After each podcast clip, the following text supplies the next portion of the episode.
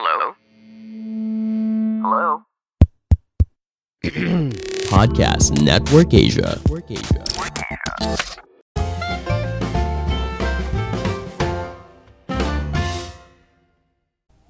Halo semuanya, kembali lagi bersama saya Madianto. Kali ini kita akan membahas tentang 5 cara mendapatkan penghasilan tambahan dari rumah.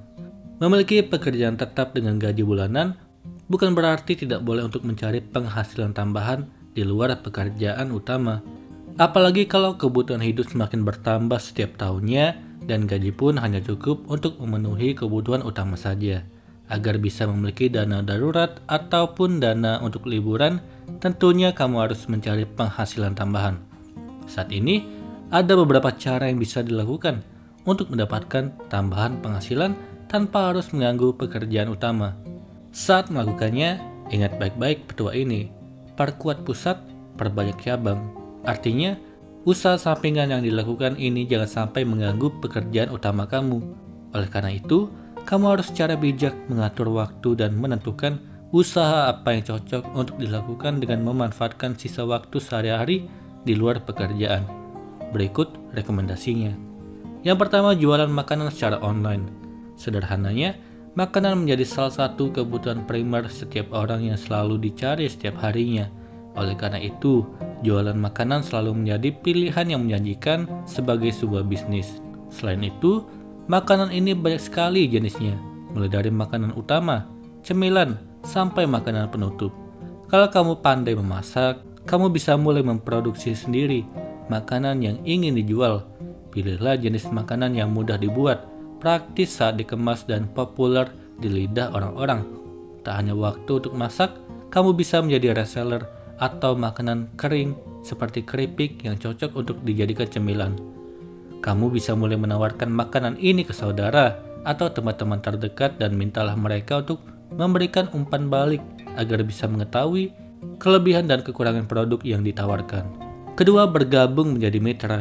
Salah satu strategi ekspansi bisnis beberapa perusahaan besar saat ini adalah mencoba merangkul masyarakat yang luas untuk menjadi mitra mereka.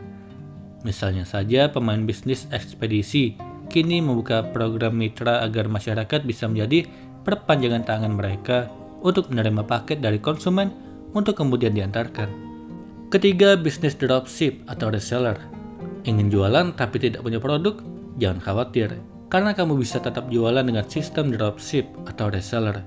Dengan sistem ini, kamu hanya perlu menawarkan produk dari produsen ke konsumen melalui beberapa platform online ataupun offline.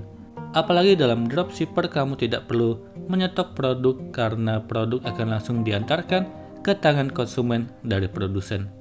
Hal yang perlu dipersiapkan hanya mencari supplier yang bisa diandalkan dan alat komunikasi yang selalu terhubung dengan internet. Keempat, mencari pekerja lepas. Pekerjaan lepas atau freelance bisa menjadi solusi mencari penghasilan tambahan yang sangat fleksibel. Ada banyak platform online yang menyediakan lowongan pekerjaan freelance untuk berbagai disiplin ilmu, mulai dari penulis, editor, desain grafis, video editor, fotografer, dan yang lainnya. Waktu bekerja pun bisa diatur sesuai dengan kebutuhan, tapi kamu juga harus mempertimbangkan beban pekerjaannya. Jangan sampai pekerjaan freelance lebih didahulukan daripada pekerjaan utama. Untuk bisa mendapatkan pekerjaan freelance ini, kamu perlu mempersiapkan portofolio yang bagus dan memikat. Kelima, membuat konten, blog atau video. Konten menjadi salah satu jenis karya yang bisa menghasilkan uang saat ini. Bentuknya bisa macam-macam, mulai dari tulisan, foto, desain, sampai video. Apalagi saat ini juga telah banyak platform konten yang bisa digunakan untuk mempublikasi konten yang telah kamu buat. Cara memonetisasinya pun berbeda-beda, Misalnya pada konten tulisan berupa blog, kamu bisa ikut program affiliate marketing dari perusahaan-perusahaan besar yang sedang melakukan digital campaign. Sementara itu untuk video, kamu bisa memasangkan iklan pada platform YouTube. Untuk bisa menjalankan usaha-usaha tadi, tentunya kamu juga perlu mengembangkan skill agar bisa menguasainya. Jangan ragu untuk bertanya kepada mereka yang telah terjun duluan di dalamnya, dan yang lebih penting lagi, jangan takut mencoba. Semoga ini bermanfaat. Sekian dan terima kasih. Pandangan dan opini yang disampaikan oleh kreator podcast, host, dan tamu tidak mencerminkan kebijakan resmi dan bagian dari podcast Network Asia. Setiap konten yang disampaikan mereka di dalam podcast adalah opini mereka sendiri dan tidak bermaksud untuk merugikan agama, grup etnik, perkumpulan, organisasi, perusahaan, perorangan, atau siapa pun dan apa pun.